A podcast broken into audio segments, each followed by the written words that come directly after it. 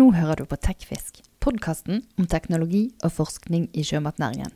Straks kommer samtalen jeg hadde med Trond Kattenes i Grieg Seafood og Erlend Haugavold i Lingalax på Statsråden pub i Bergen. De forteller om digitale muligheter i havbruksnæringen og utfordringer på veien dit. Men først en kort melding fra vår annonsør. Bioretur tilbyr slamløsningen Fish Sludge Recovery System, FRS. Alle anleggene tilfredsstiller miljøkravene, er modulære og kan tilpasses lokasjon og behov for alle landbaserte oppdrettsanlegg. Bioretur tror at bærekraftige sirkulære løsninger blir stadig viktigere i omdømmearbeidet til fiskeoppdrett. Gå inn på nettsiden bioretur.no for å lese mer. En laks som gir beskjed om at den er syk, og varsel om når lakselusen er på vei. Er det der havbruksnæringen er? Velkommen til aller første Tekfisk direkte, som er en liveinnspilling av den ukentlige podkasten Tekfisk. Jeg heter Camilla Odland og redaksjonssjef i Tekfisk. Nå har jeg først fått opp to som jobber med digitalisering i hvert sitt havbruksselskap. Før det blir et sceneskifte etterpå. Og så får vi opp noen som jobber med dette fra litt andre utgangspunkt. Først ut er digitaliseringsansvarlig Trond Kattenes i Grieg Seafood og daglig leder Erlend Haugavold i Lingalax. En varm applaus til begge to.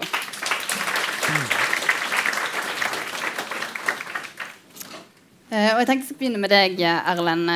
Ja. Hvor digitale er dere egentlig i Lingalaks? Vi har datamaskiner og litt sånn forskjellig.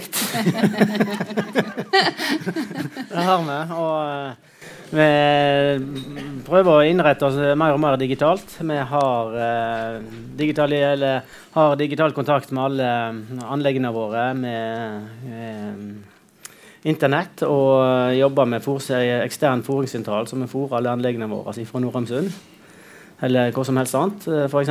Og IK-systemet og mange data, har datasystemer på de fleste tingene våre. Da, så vi registrerer alt så mye som vi kan. Mm. Og i Grieg Seafood, Trond, hvor digitale er dere? Uh, vi har også datamaskiner. Ja. Så der er vi rimelig bra. Uh, nei, vi er I de ulike dataselskapene eller regionene våre så uh, har vi hatt en veldig modning i forhold til det å og skape en kultur rundt nysgjerrighet på hva, hva, data gir oss. for noe. Og det betyr også at eh, vi tar i bruk en del digitale verktøy. Uh, hver for seg som piloter der ute for å teste ulike hypoteser. Hvordan vi kan utnytte data og hvordan vi kan faktabasert kompetanse. Og Dette syrer vi sammen da, i et spor som går inn i den digitale strategien som vi har da, som første Eh, leveransemilepæl er da 2020, slutten av det. Og så har vi da videre mål fremover for å bli mer og mer digitale i egentlig alt vi gjør. Ja. Og dere Erlend, Hvordan jobber dere med å bli mer digitale? Eh, det er egentlig på mange områder. For ser eh, eh, Det er de fleste systemene som ser vi på. Vi må eh, klare å håndtere mer og mer informasjon. Og vi må egentlig ha mer og mer informasjon for å ha god styringskontroll. Eh, og eh, da er det egentlig å klare å samle inn så mye data som vi klarer fra forskjellige kilder. Og det å håndtere disse dataene og dette gjøre hverdagen for eh, oppdrett eller for røkterne òg enklere. For skal de, de skal jo jobbe og følge med på fisken, de skal ikke bare gå og registrere hele dagen. Så her er det å klare å automatisere så mye. Se på arbeidsprosesser, om vi kan gjøre de automatiske. Vi har et mål om å klare å eh, ha helautomatisk fòring om to-tre år f.eks. Hvor flink syns du oppdrettsnæringen har vært til å ta i bruk ny eh, digital teknologi? Det, da, det blir flinkere og flinkere. Sist, spesielt de siste to-tre årene så har det virkelig skjedd mye. Tidligere så var vi mest opptatt av å lage større og mer volum. Eh, for å ta det litt enkelt, da, så vi har jo for, eh, for så vidt vært flinke på teknologi. det her, men siste årene så er det òg uh, mer avansert teknologi vil jeg si, som har uh, vært veldig mye med fokus. og Der ser vi at vi kan gjøre veldig mye. Alltid fra det enklere for arbeiderne våre og tryggere på arbeiderne våre, til bedre for fisken og følge med på fisken på en helt annen måte enn vi, vi kan før. Hva tenker du om det, Trond? Nei, Jeg støtter fullt ut. Det har vært en bråmodning eh, i, i næringen og i vårt selskap også. Eh, helt ut på merdkanten. Eh, og dette handler jo om at vi da henter eh, sensordata direkte inn i vår egen sky. Og så tar vi de dataene og legger de tilbake igjen inn i, i arkivsystemene. jeg kaller det, altså Fishtalk eller Mercatus, litt avhengig av hvem, man bruker i de ulike selskapene. Og Det er jo et lite paradoks. Min tese på dette er at inntil for et par år tilbake så var det egentlig hovedleverandørene, de to som vi kjenner til, som satte agendaen for hvor digitale vi skulle få lov å bli. Det tillot vi som aktører, vi som, som selskaper, at de gjorde. I mellomtiden her de siste tre-fire årene så har det vært en, en, en endring, veldig endring på det. Sånn at uh, Nå er vi de som stiller krav tilbake igjen til de selskapene. Hvorpå det er en relativt høy frustrasjonsgrad der i går enn for øyeblikket. Og de to, de to selskapene, da tenker du på? Ja, Da tenker vi på Aqua Group, som leverer Fishtalk, og vi tenker på Stegefix, som leverer Osea, selvfølgelig. Ja, som eh, arkivsystemer eh, slash litt analysekapasitet. Et, et, et, bilde på dette er jo at Aqua Group, som jeg skal ikke henge ut de, eh, for de er to, like gode, disse to leverandørene. Men, men, et bilde er jo da at det leveres et foringssystem fra Aqua Group, og det leveres et Fishtalk, altså et kontrollsystem fra Aquagroup. Og disse to systemene her snakker ikke sammen i det hele tatt. Så det vi jobber med, er å lage vår egen skytjeneste i midten som kan hente data fra fòringssystemet og putte det ned i Fistok, slik at våre operatører slipper å sitte på slutten av en lang arbeidsdag hvor de er nummen i fingrene og, og bare vil hjem til mor. Og, og, for de som kan det. eller gjøre andre ting på anlegget som de gjerne er på i en uke. Men like herlig så bruker de veldig mye tid på akkurat denne type ting. Ja, For standardisering, er liksom ikke, der er man ikke kommet? Jo, Standardisering er en del av den reisen som vi har definert opp. da. Men uh, igjen så har vi jo en uh, legacy, en arv uti der av infrastruktur og, og programvare som tilsier at det er to til tre forskjellige versjoner av Aquagroup sin uh, software på sporingssystem, ditto på Steinsvik. Som gjør igjen at det er egentlig fire-fem forskjellige foringssystemer der ute. hvis man har et sett med anlegg. Og de, de må tilpasses. Du skal ha, lage interfacer så du kan hente disse dataene og du kan få tradinere de ned og få de inn i systemene dine. Så det er mye arbeid, men det er verdt det. Ja. Og Vi snakket om det at uh, du tenker at oppdrettsnæringen har vært litt sånn treig med å komme i gang med ny teknologi. og så var det sånn, Er det oppdretterne som har vært treige, eller leverandørene? Hva, tenker, hva, tror du der? Nå spør du jo meg, da, så da er jo svaret veldig opplagt. Det er ikke dere. det er ikke oss, for all del. altså, Vi har vel ikke vært nok eh, snakk om oss sjøl. Vi har ikke vært nok observant på den nye teknologien som kommer. Sant? Men når vi begynner å sette oss inn i den, så begynner vi å se at her er det kjempestore fordeler å klare å samle data fra forskjellige kilder. Og der er det, klarer vi det, så får vi mye bedre informasjon, bedre beslutningsgrunnlag. Men det som er sånn som vi har sagt der, da, at eh, vi må ofte kombinere forskjellige sensordata, sensorer forskjellige in datainput, og, hente det ut. Og da henger, eller, er å finne forskjellige systemer rundt omkring. Og da å samle disse her og ha kontroll på det på én plass, få det inn på ett display som vi kan på en måte se og analysere over under hverandre, det gir oss utrolig mye eh, bedre kunnskap som vi kan bli bedre for. Verden rundt oss blir jo mer og mer avansert. Det er mer og mer vi skal passe på. Vi skal bli bedre på det ene. Vi skal ned CO2-utslippene våre. Og vi, ja, litt forskjellige ting. Og da må vi hele tida ha veldig god kontroll på og, og, og kvantitative data mye på hvor vi er i dag, for at vi skal kunne bli og se at vi blir bedre i morgen. Da. Ja, for Nå snakker dere begge mm. to om data som dere henter og putter i skien. og sånn, Men eh, hva bruker dere de dataene til? Trond? Eh, ja, Vi bruker de dataene til å fòre bedre. Altså eh, analysere hvordan kan du si, eh, vannkvalitetsparametere i vannsøylen påvirkes av et fôringsregime. Hvor hardt fôrer du? Og hvor mye faller oksygenet i løpet av en fôringsprosess? Og du, må du strupe i forhold til å kunne ta opp igjen oksygennivået? og den type ting. Finne balansere disse tingene her. Dette ser vi nå. Andre ting er jo også at Når vi har strømsensorer eh, på forskjellige dybder nedover i vertikalaksene i, merden, så ser du også at strømmen strikker 180 grader forskjellig på 5 meter til 10 meter og til 15 meter. Noe som også eh, tilsier når du da driver og fôrer på ulike dybder i forhold til hvor fisken står, så må du ta høyde for den type informasjon også. Så Det er masse informasjon nede der eh, som gjør at eh, vi som eh, røktere eh, vil få en helt annen fokus i forhold til hvordan vi optimalt kan fôre fisken, og hver pellet teller som kostfaktor her. Ja. Er det fôring dere først og fremst bruker det til, eller er det andre ting? Eh, Fôring er en veldig viktig bit, eh, sånn sett. Eh, men her kan vi bruke det til veldig mye andre ting. og få vite om at eh, Fôring er jo én ting, men what does the fish say? Sant? Det er ingen som vet ennå. Og det er jo en, en viktig bit tror jeg, å finne ut hvordan fisken har det. Helsestatus på fisken. Hva møter fisken Ikke i dag, kanskje, men kanskje vi kan forutsi på hva miljøforhold fisken vil ha da om to dager eller 14 dager. Og da kan vi kanskje gjøre ting for å tilpasse oss at den skal ha det, bli mindre stressa og mindre utsatt for sykdommer. Så det er jo kjempespennende ting. Og det er jo veldig eh, oppåg i dag at eh, folk vil vite hva som har skjedd med fisken i løpet av livet sitt. Så sporing og finne ut eh, eh, hva som har skjedd i løpet av livet, veldig spennende. Eh, du kan gå tilbake igjen. Avlsselskapene kan bruke det for å finne ut og finne, eh, finne de gode egenskapene på fisken. Hvem som er sterk og robust, eller andre egenskaper som vi ønsker. Men hvor langt unna er man det å få vite hvordan hver enkelt fisk har det nede i verden?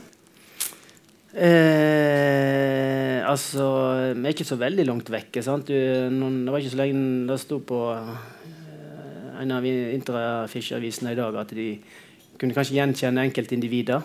Eh, hvis du klarer det, så kan du kanskje finne igjen for fisken.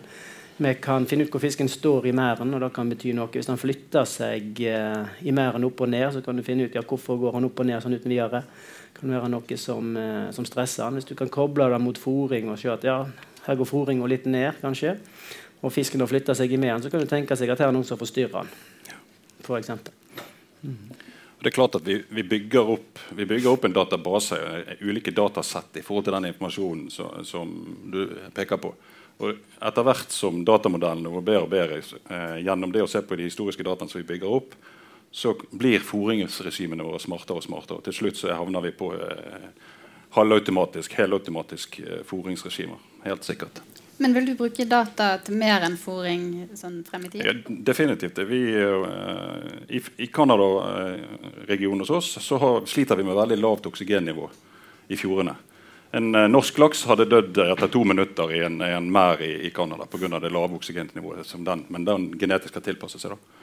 Eh, det vi har, bruker teknologi til, er jo da å måle oksygennivået til enhver tid, som alle andre gjør. Men det vi også ser, vi korrelerer vi den informasjonen med tidevannssvingninger. Altså høyvann, lavvann, høyvann, lavvann i forhold til hvor mye oksy endrer oksygennivået seg. Og Da får vi interessante observasjoner, nemlig at på høyvann, så, hvor man skulle tro at eh, oksygennivået gikk opp, så er det motsatte som skjer. Vi får et, en veldig fall i oksygennivået. Og med å snakke med oseanografer, og diverse, så er det logisk, fordi at du får altså en oppvelling fra vannet som kommer inn. Og Så får presses det ned, og så får du en oppvelling ute der som anleggene våre fra vann som ligger dypt, og som har lavt oksygennivå. Og Dette var jo en kjempe aha-opplevelse. Dermed så puttet vi inn eh, oksygendiffusorer i alle anleggene våre der, og overvåker dette nøye i forhold til oksygennivået. Hvorpå vi altså har fått et eh, tilslag på eh, 35 økt produksjonskapasitet bare på å unngå eh, fiskedød og, og eh, sykdom. Svak fisk. Så Det er et, det er et eksempel på hvordan man bruker teknologien vår i akkurat i sånne aspekter. som. Ja, nettopp. Har du noen sånne eksempler på hvordan teknologi har plutselig kunnet eh, hjelpe dere til bedre produksjon? Ja, det er egentlig eh, Ja, det er for, Jeg vet ikke helt hvor jeg skal begynne, men, men eh, det, er- det er for så vidt Det hjelper oss på mange områder. Da vi ser at vi mm, Du har det alltid fra arbeidsplanlegging. sant? Eh, ikke, der ser vi at du har apper som arbeiderne kan ha. De kan ta en bilde av en, da, en, eh, et eller annet utstyr som trenger vedlikehold eller reparasjon. Eh, sender det inn, og går det automatisk inn på ei arbeidsliste, så sitter folk og sorterer på den arbeidslista og disse arbeidslederne og kan sende ut arbeidsoppdrag. Så det går automatisk uten eh, at det skal bli menneskelige feil, så enten glemmer det, eh, ikke sitter med PC-en der, eh, eller andre ting som gjør at det, de glemmer å føre det opp på den arbeidslista. Så Altså det er en måte du kan få det til at du får sikrere utførelse av vedlikehold og reparasjoner eh, uten å da glippe. av. for eksempel, eh, mm, vi jobber eh, i forhold til at vi kan eh, arbeidsoperasjoner, så um, kan vi samle inn data, værdata, strømdata og finne ut hvordan eh, strømmen og været vil være, så det blir sikrere å utføre operasjonen både for fisken og eh, arbeiderne. At ikke gjør det på ugunstige tidspunkt. Og da får du gjort den operasjonen slik at uh, f.eks. lusa blir Vi får behandla mot lus den dagen vi skal behandle, og ikke 14 dager seinere. Mm. Og så har dere testet eh, ekkolodd eh, for fôring av fisken. Erlend, hvordan gikk det? Eh, det ser lovende ut. Eh, det har tatt eh, litt tid å komme i gang. og da er jo dette her med det De store problemene er å integrere forskjellige systemer. For dette ekkoloddet, da, da, ser vi hvor fisken er, og du får veldig gode signal i forhold til når han eter og når han ikke eter. Og du vet på en måte at fôret er innenfor merden. Eh, det har vært litt problemet at Du må koble det opp mot fôringsdata og fôringsanlegget som du var inne på her, og vite hvor mye du fôrer i forskjellig tilgang for å klare å styre fôringsanlegget da, fram og tilbake. Du må vite hastigheten på fôringa for å kunne slave på. Og da det ser lovene ut. altså. Vi får sterke signal som gjør at vi, vi kan eh, fôre. Og da ser vi for oss at eh, vi i framtida trenger kanskje ikke så mye fòrere, men vi trenger driftsoperatører og teknikere som passer på dette her anlegget i større grad enn en at folk skal sitte der i mange timer og, og se på dette. her. Eh, og når vi snakker om fôring, så åpnet dere eh, første kontrollsenteret deres, et sånn pilotanlegg i Rogaland i september. Eh, kan du fortelle litt om hva som skal skje der? Det som skal skje der, er jo at vi kan du si, tar fôringssentralen eh, til et nytt nivå i forhold til det å få inn informasjon løpende fra alle anlegg, fra alle merder, sensorikk, omliggende informasjon. Også sensordata fra operativ infrastruktur på flåter, så som kraner så som luker, så som ensilasjetanker, så som uh, fòrsilotanker, um, vinsjer, dieselgeneratorer. Sånn at man har et så komplett bilde som mulig på den operasjonelle statusen på, på hele anlegget. Um, og kan uh, gjennom det å ha oversikt over arbeidsaktiviteter, som du også adresserer, uh, for hele uh, den fjordbassenget som du måtte ha flere anlegg i, så kan du også drive bedre områdeforvaltning internt, men også eksternt med de andre aktørene. Gjennom det at du kan se på værmelding, du kan se på potensielt lusepåslag på lusevarslingene som kommer, i forhold til hvordan du skal disponere ressursene dine, både de som er mobile og de som er mer på stasjonære tiltak og aktiviteter. Og nå har det vært i drift et par måneder. Hvordan ja, det, vi, er, det? vi er i pilot, og vi legger på mer og mer funksjonalitet eh, etter hvert. Så Foreløpig så har vi, eh, har vi, tre anlegg oppe, og så bygger vi på mer funksjonalitet på de. Og så kopierer vi da eh, oppsettet, sånn at vi har en baseline, eh, et baseline-anlegg som vi bygger på, ser at det fungerer, og så flytter vi den funksjonaliteten kopierer ut. Det er jo en av fordelene med å standardisere ganske rått, eh, sånn som vi holder på. da. Ja, for du har jo vært gjennom en skal vi kalle det en digitaliseringsreise i Grieg Seafood og møtte på noen eh, utfordringer i starten. Vil du fortelle litt om det? Eh, ja Jeg skal ikke dra for langt inn i det. Men det som på mange måter har vært en utfordring, er jo det at eh, når du er et selskap med flere datterselskaper, regioner, gjerne over landegrenser, så snakker vi også kulturer. Uh, og når man har fått lov å utvikle sine egne systemer, sitt eget domene diverse over år, så er det litt uh, spisse albuer og litt klare meldinger som skal til for å få folk til å gå i flokk. Uh, det begynner jo med å samle dem til å gå i noenlunde samme retning noenlunde samtidig. ja. Men, men uh, det som var nøkkelen til at vi fikk dette til i Grieg, fra å gå fra en 25 forskjellige potensielle kildesystemer til en datavarehus til nede i fem, uh, det har nettopp at uh, styret godkjente en IT-strategi hvor det sto at vi skulle gjøre det standardiseringsløpet nettopp for å forberede organisasjonen på en digital bølge som ville komme på et tidspunkt. Dette var tilbake i 2011-2012. Uh, og så gjorde vi den standardiseringen uh, rått på, på, struktursiden. Hadde fem datasentre, trykte det sammen til ett. Hadde fem økonomisystemer, tok det sammen til ett. Så gjorde noe med uh, økonomiprosessene våre. Gjorde det samme på, på, på fôr og, og fòrkontroll. Altså fire forskjellige versjoner av Fishtalk. Vi hadde noe hjemmesnikret, noe Excel-ark og noe greier for full kontroll på biologi slo det sammen. Eh, felles brukermanual, felles definisjonskataloger og sånne ting. Og nå er én løsning for hele Grieg-konsernet. Det betyr at når vi nå har et datavarehus på toppen, så kan vi se med en gang om noe har litt ekstra fiskedød. Noen, noen ikke har fôret noen ikke har gjort noe på en én merd uh, på ytterste vestsiden av Vancouver Island ni timer herfra. På klokken, ikke å reise, by the way. Um, så, så, ser vi det med en gang. Og så kan vi da uh, sjekke om uh, hva er som gjør at vi ikke har gjort eller fylt inn eller registrert. Ditto. Både på nettsider, men også ser vi jo umiddelbart også når vi har gode resultater og premierer i den retningen. også. Så det skal, skal ikke bare være et ris. Det er en vesentlig eh, motivasjonsaspekt at vi også tar det positive siden og løfter det opp også. Og lager helter i hverdagen. For det er tross alt de ute på merden som, som eh, skal gjøre jobben og de, på slutten av dagen. Ja. Hva tenker du om det, Erlend? Er det litt enklere for et uh, familieselskap som Lingalaks å snu seg rundt og sette i gang med ny teknologi eller videreutvikle? Altså, altså, det vil jo være da. Vi har eh, ti-tolv anlegg, og du har sikkert eh, dobler og kanskje vel så da. Mm. Og da er det jo færre anlegg å, å, å, flytte på, så vi har jo en litt mindre, jobb for å få det helt integrert. Men det er jo samme problemstillingene vi har. for så vidt Vi skal få folk til å registrere ting på data og lignende ting. Det er, men de samme menneskene som, som vi må eh, prøve å få endra litt hverdagen og prøve, prøve å gjøre det litt på en annen måte.